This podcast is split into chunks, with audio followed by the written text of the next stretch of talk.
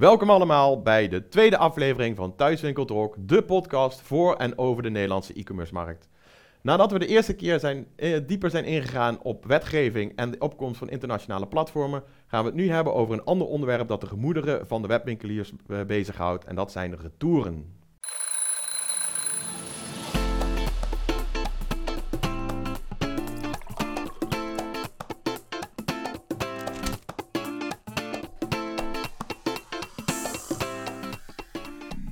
Ja, retouren dus. Een heibel onderwerp binnen de Nederlandse e-commerce branche, waarover de afgelopen maanden al veel is gezegd en geschreven, onder andere vanwege de impact op het milieu.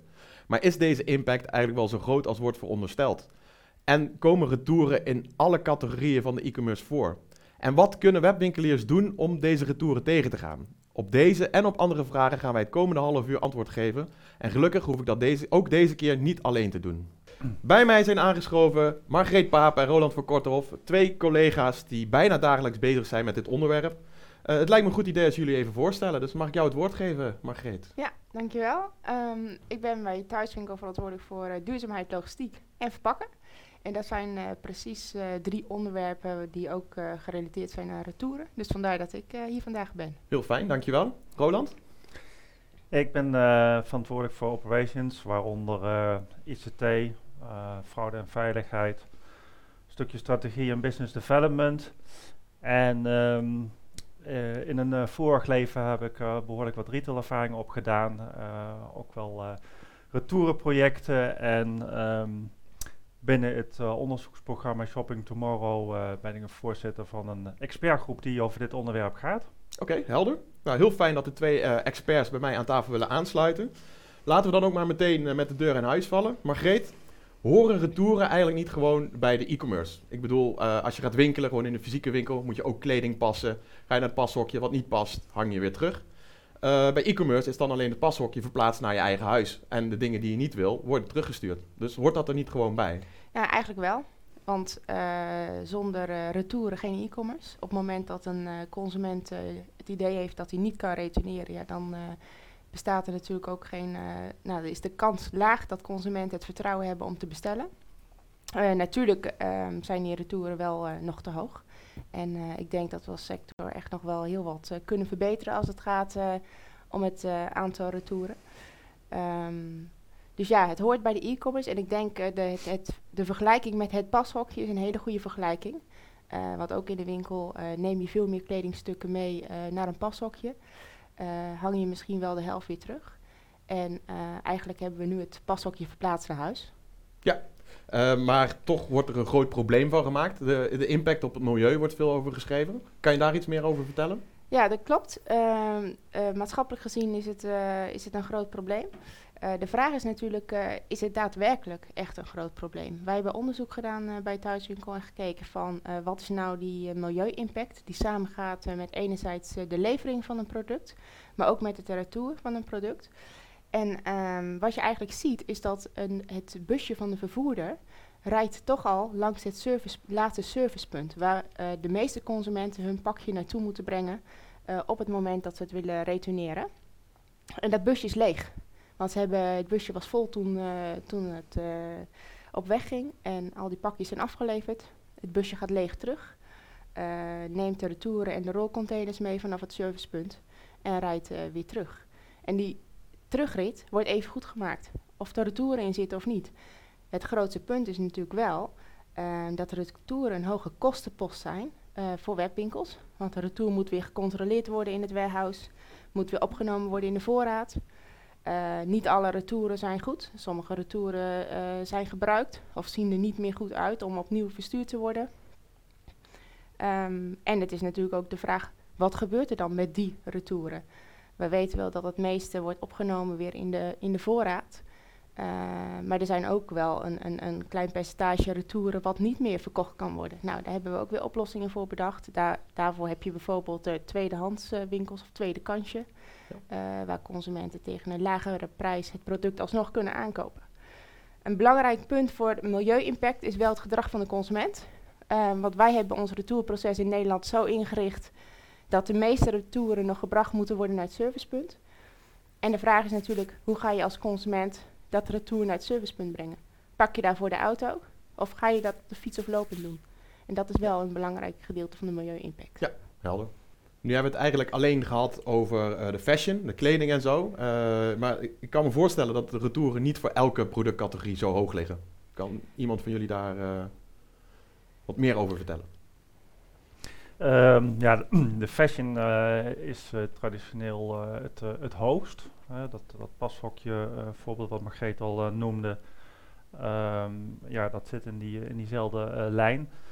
Um, dus als je kijkt naar, naar fashion, dan het verschilt wel per retailer, ook per, uh, per, per doelgroep. Hè. Wat is de klant van die retailer?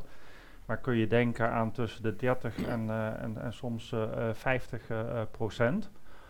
Ehm, op andere artikelen, op bijvoorbeeld een telefoon of, of technische artikelen, daar is het percentage vele malen lager. En heb je een voorbeeld daarvan? Waar, waar moeten we dan aan denken?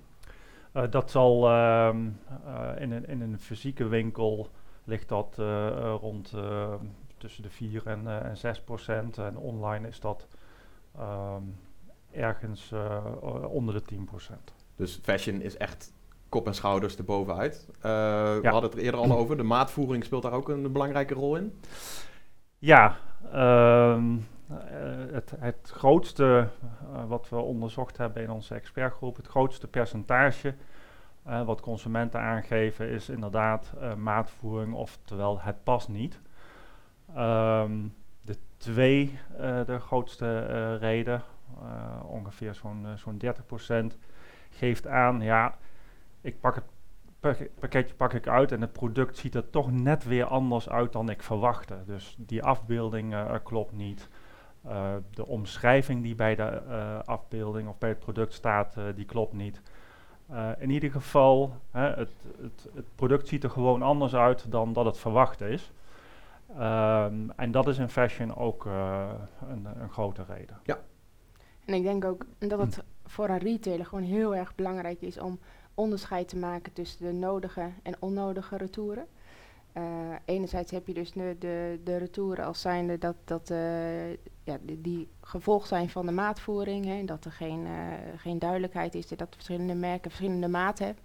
We hebben ook veel retouren omdat de productinformatie gewoon verkeerd was. Of dat er gewoon ergens een foutje in het warehouse is gemaakt. Ja. En dat zijn juist wel de retouren die je als retailer heel gemakkelijk kan voorkomen. Gewoon door ook duidelijk te maken de maatvoering, de kleur, de stof, gewoon duidelijk Precies, op de website al aangeven. informatie te geven. Met tekst en afbeeldingen. Ja. ja.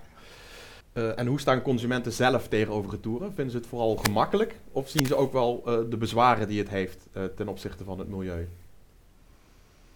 Nou, ik denk dat de gemiddelde consument zelf ook niet zit te wachten op, op retourneren, want het is, ja, het is toch een hoop gedoe. Um, je wil eigenlijk natuurlijk dat het gewoon product wat je bestelt, dat het in één keer goed is moet het toch weer uh, retour sturen. Je moet misschien inderdaad in die auto stappen of, uh, of op de fiets naar een, uh, naar een, een, een afhaalpunt brengen. Um, maar van de andere kant, um, het is ook wel gemakkelijk. Hè. Ik, ik kan dingen uitproberen. Dat staat ook in de, in de wet. Hè. Ik, ja. ik moet als consument, moet ik bij verkoop op afstand, moet ik de mogelijkheid hebben binnen bepaalde normen, hè, dat ik uh, het, het pakket kan, kan uitpakken en, en kan uitproberen. Ja.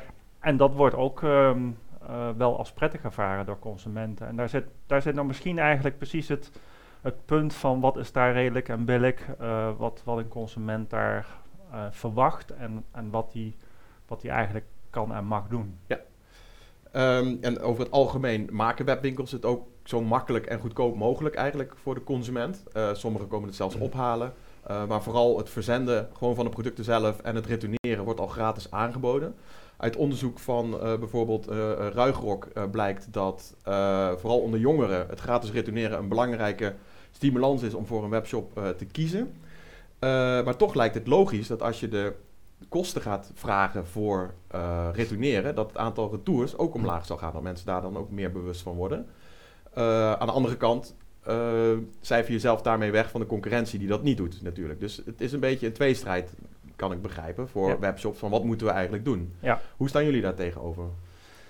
Ja, je, je ziet dat um, um,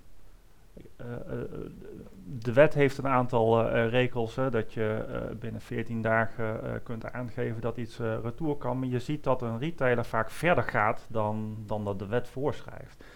dus dat, dat, zijn, dat, hè, dat is de zogenaamde retourpropositie.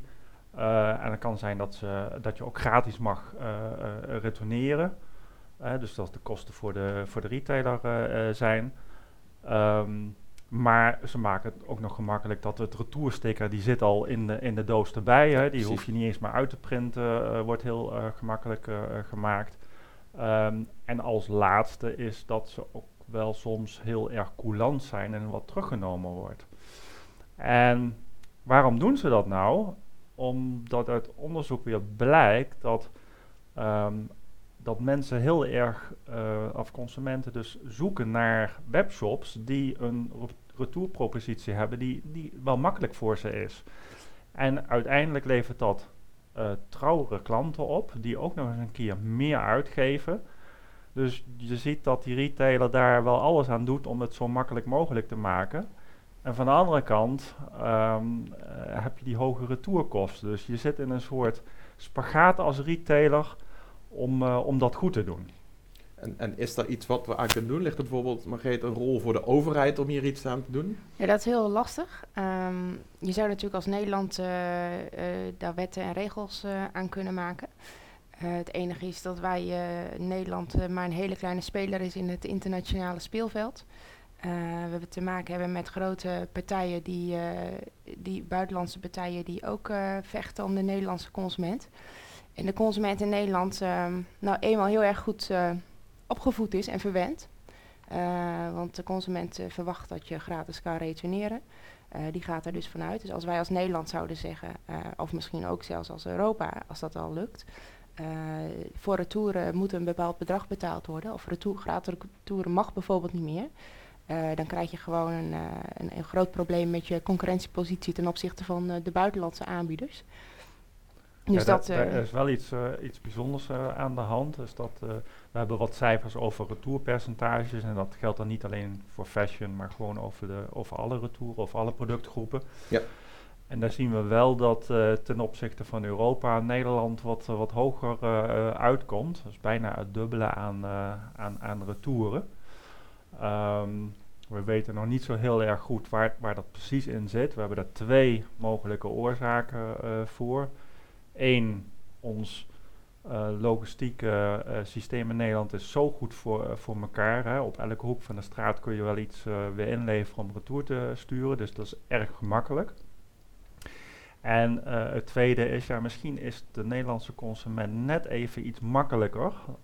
of, of, of dat het in de cultuur zit of aan gewenning. Uh, ja, dat, dat we gewoon meer retour sturen dan onze buurlanden in Europa. Ja, dus Nederlanders sturen relatief veel retour. En dat zou idealitair wat, wat minder kunnen. Al hebben we nu net wel al gezien dat dat heel lastig is om dat voor elkaar te krijgen. Om verschillende redenen. Vanuit Thuiswinkel proberen we daar natuurlijk ook vanuit de branche eigenlijk iets aan te doen. En dat ligt vooral nu op de bewustwording kweken, onder zowel de consumenten als onder retailers. Middels artikelen op de website, interviews, blogs die we op verschillende sites laten plaatsen en natuurlijk deze podcast. maar daarnaast hebben we natuurlijk ook nog Shopping Tomorrow, het onderzoeksprogramma van thuiswinkel.org, wat elk jaar eigenlijk onderzoek doet naar de relevante onderwerpen binnen e-commerce. En dit jaar hebben wij daar ook het onderwerp Get Rid of Returns in opgenomen, ook vanwege de toenemende interesse in, in, de, in de retouren. En Roland, je gaf het net al aan, jij bent voorzitter van die groep. Kan jij wat meer hierover vertellen, over deze groep? Ja, um, het, het, heeft een nogal stellige titel, hè, Cat of Returns. Um, dat, dat gaan we niet halen, dat is ook niet de doelstelling, maar dat wel, dat, is, dat is redelijk ambitieus. We hebben ja. net al gehad over dat retouren ergens wel in het proces er altijd bij hoort. zeker in, in fashion. Eh, eh, met het vergelijk met het pashokje. Eh, maar wat we doen is, er is best wel al wel wat onderzoek gedaan op retouren en wat wij uh, doen is dat bij elkaar brengen. we hebben het uh, nu in ieder geval heel inzichtelijk en overzichtelijk gemaakt van alle invalshoeken. Um, en we voegen daar een aantal elementen aan toe. met name ook kijken we naar data. Dus wat, wat kopen klanten nu? wat stoppen ze in het winkelmandje? Hoe is die samenstelling van dat winkelmandje? En wat retourneren ze dan ook weer? Om daar inzichten uit te krijgen. Um, we hebben gekeken naar wat voor technologische oplossingen zijn er nu in de markt en werken ze en, en, door wie worden ze gebruikt en hoe reageert de consument daarop en, en wat kan die, die retailer dan daar uiteindelijk mee. Um, en een laatste grote is ook wel um, het, het, gedrag van die consument. Hè. Wat voor type consumenten zijn er nu eigenlijk? En dat gaat zover als uh, nou ja, dat je een, uh, een hele normale besteller hebt die een aantal artikelen bestelt en daar er een, één of twee of een paar van retourneert. Ja. maar we hebben ook gezien dat er consumenten zijn die gewoon een hele berg bestellen en dan een modeshowtje thuis houden voor de familie of voor vrienden ja. of, of kennissen. Heel erg. en dan heel herkenbaar. Ja, nee, ik heb meerdere mensen die inderdaad... Ja, dat komt natuurlijk ook wat we net al aangaven. De maatvoering, dat verschilt ook per merk en per product. Ja. En dat maakt het ook gewoon lastig van welke maat past nou voor mij. Dus ik ja. snap best dat mensen van een jas, om niet uh, in het probleem te komen van ik heb een jas en ik vind hem leuk en ik pas hem aan en dat past niet, moeten we het helemaal opnieuw doen. Dat ze er twee of drie bestellen, dat in ieder geval de goede maat ertussen zit. Ja. En nou, dat, dat, dat uh, maatvoering is daar een, een groot aandeel uh, in. En dan is het misschien ook wel begrijpelijk dat ik één of twee maten uh, bestel. Ja.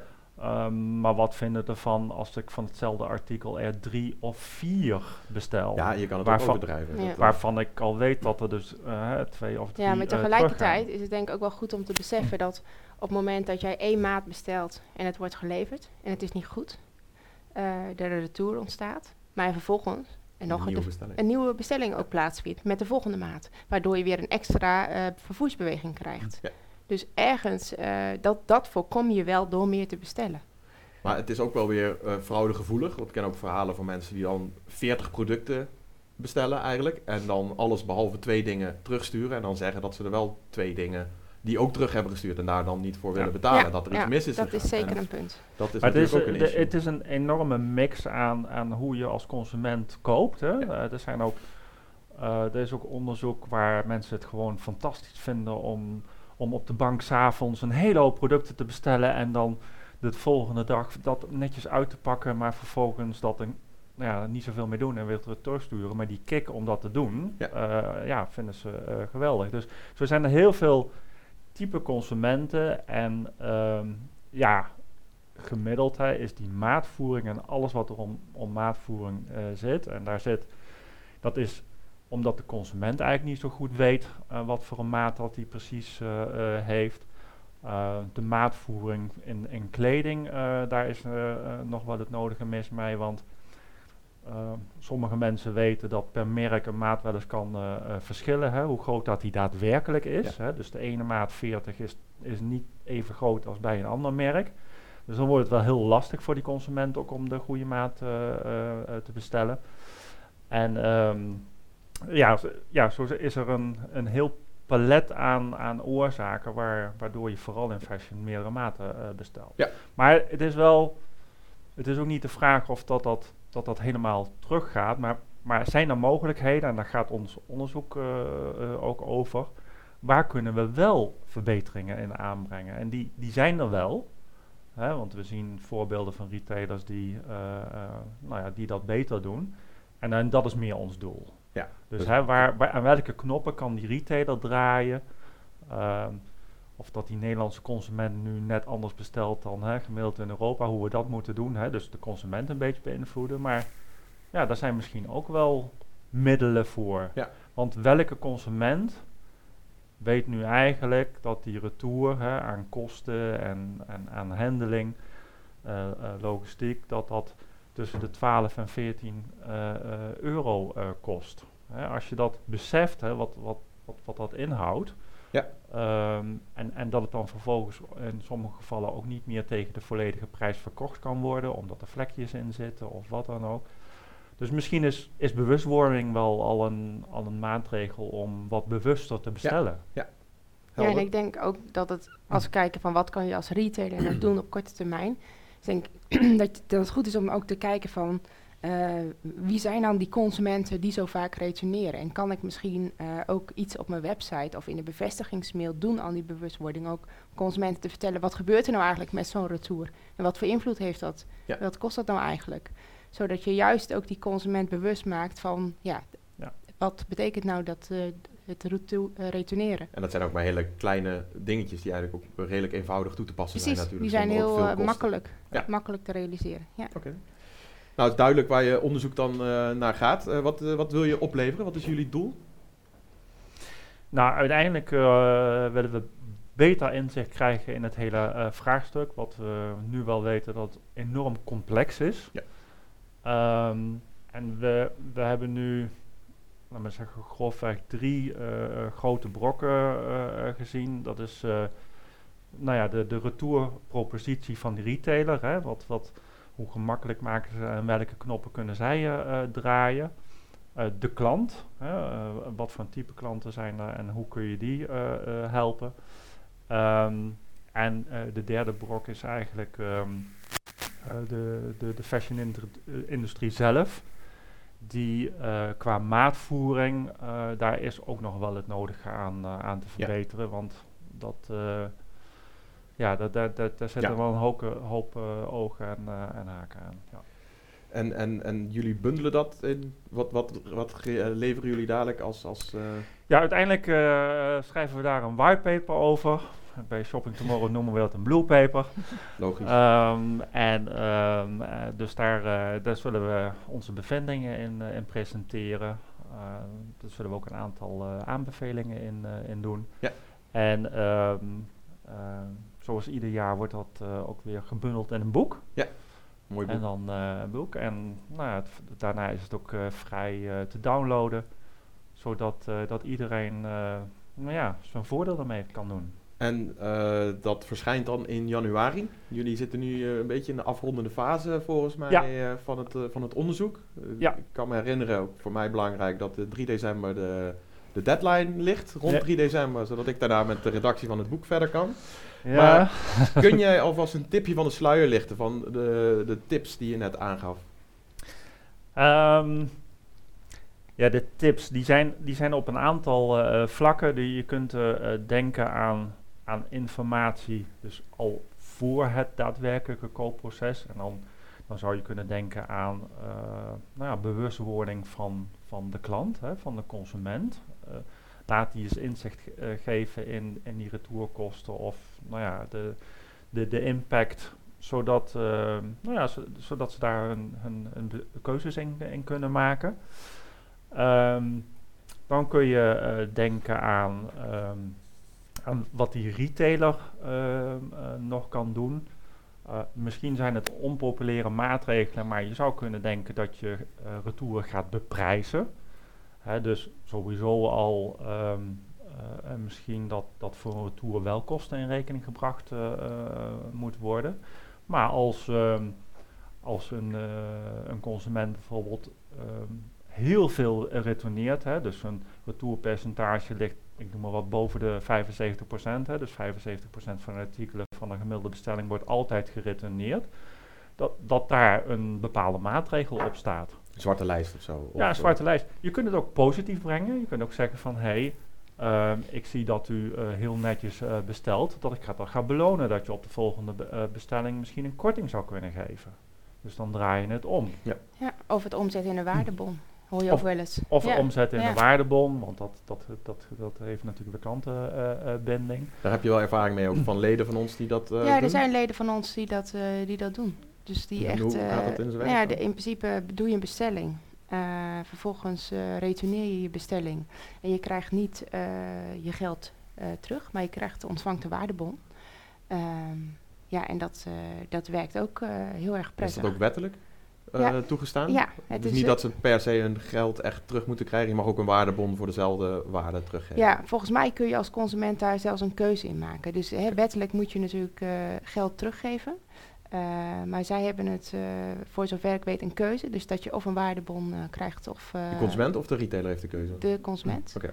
En ik merk, eh, ik hoor tenminste terug van die retailer dat er best wel wat consumenten kiezen ook eh, voor een waardebon. En dan Ik kan je heb, ook nog voor kiezen dat de waardebon iets hoger is dan het eigenlijke geld eh, wat je terugkrijgt. Dat echt- is, dat is in dit geval niet zo, maar dat zou inderdaad, je zou daar nog een korting of een extra Ja. op kunnen geven. Ik Ja. heb, te eh, ik stimuleren. heb al een, een voorbeeld gezien van een retailer die eh, geld teruggeeft binnen de, de wettelijke termijn die, eh, die er staat, maar eh, boven de 30 dagen tot en met eh 45 of 50, dat er dan bijvoorbeeld inderdaad een bon wordt gegeven. Ja. Dus eigenlijk versoepelen ze de, hè, de, de, termijn, maar wel met, nou ja, met een andere incentive.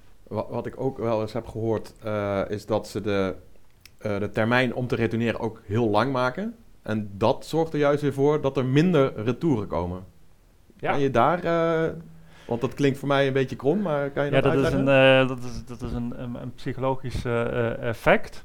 Ehm, als je eh, net een bestelling gedaan hebt, zit dat allemaal nog vers in je geheugen. Ehm, eh, eh, misschien ben je er niet helemaal 100% tevreden mee.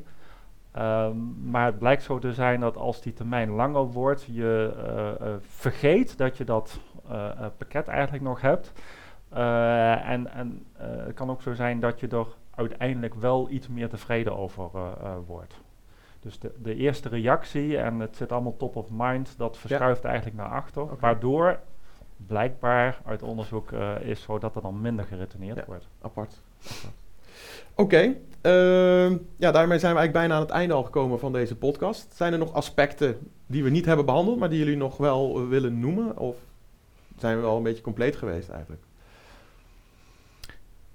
Ehm, ja, ik zou nog, we zullen nog eh, iets eh, in kunnen gaan op wat andere maatregelen die, die we in ons Ja. onderzoek nog ehm, eh, hebben. Is, eh, ehm, we kunnen natuurlijk ook denken aan, aan technologische oplossingen hè, om, eh, in, de, in de fashion. En dat gaat vooral over, eh, over die maatvoeringen helpen. Dus aan, aan 3D bodyscanners of, eh, of, of slimme vragenlijsten of maathulpen in, in de vorm van maten te bellen. Dat zijn natuurlijk allemaal ook methodes om, nou ja, om de consument beter te, te laten kiezen. Eh, eh, in dit ge- geval voor, eh, voor de maat van, van het product. Ja. Ehm, en als laatste waar we ook nog naar kijken is die hele logistieke keten en, en de waardecreatie die zo'n product, hè, wat, wat kun je doen als je nu retouren zijn er en die retour bestaat, maar hoe kun je het dan zo goed mogelijk in dat proces weer naar een volgende consument brengen? Soms helemaal perfect, hè, in een goede staat. En soms als er iets mee aan de hand is, maar eh, dat het toch nog naar ehm, ja, eh, tweedehands zaken Ja. of, of, of, eh, of producten met, eh, met, een, met een klein eh, eh, eh, foutje erin. En dat het toch nog gewoon goed terechtkomt. Heel Ja, en ik, misschien is nog wel grappig om, eh, om toe te voegen. Uiteindelijk, ehm retouren horen ook wel eh, gedeeltelijk natuurlijk bij onze sector. Ja. En als we kijken naar de ontwikkeling eh, met de circulaire economie, waarin eh, grondstoffen vanuit consumenten weer terug worden genomen. ehm, om vervolgens weer hergebruikt eh, te worden in, in de productie. Of waar die vervolgens gebruikt worden om iets anders mee te maken. Dan zou je ook ehm retouren als een voordeel kunnen zien mits je het op een juiste manier inricht. Want dat geeft je wel een kans om meer bij de consument, meer grondstoffen mee te nemen, in plaats dat het in de kliko verdwijnt. Ja. Misschien wel andere kleding, die op een juiste manier gerecycled wordt en weer hergebruikt wordt. Dus in de toekomst ligt er misschien ook wel weer een kans. Oké, nou dat vind ik een mooie eh, zin om mee af te sluiten. Dankjewel. Eh ja, daarmee zijn we dan aan het einde gekomen van deze editie van Thuiswinkel Talk. Ik wil graag eh, Margreet en Roland hartelijk bedanken voor hun tijd en het delen van hun kennis.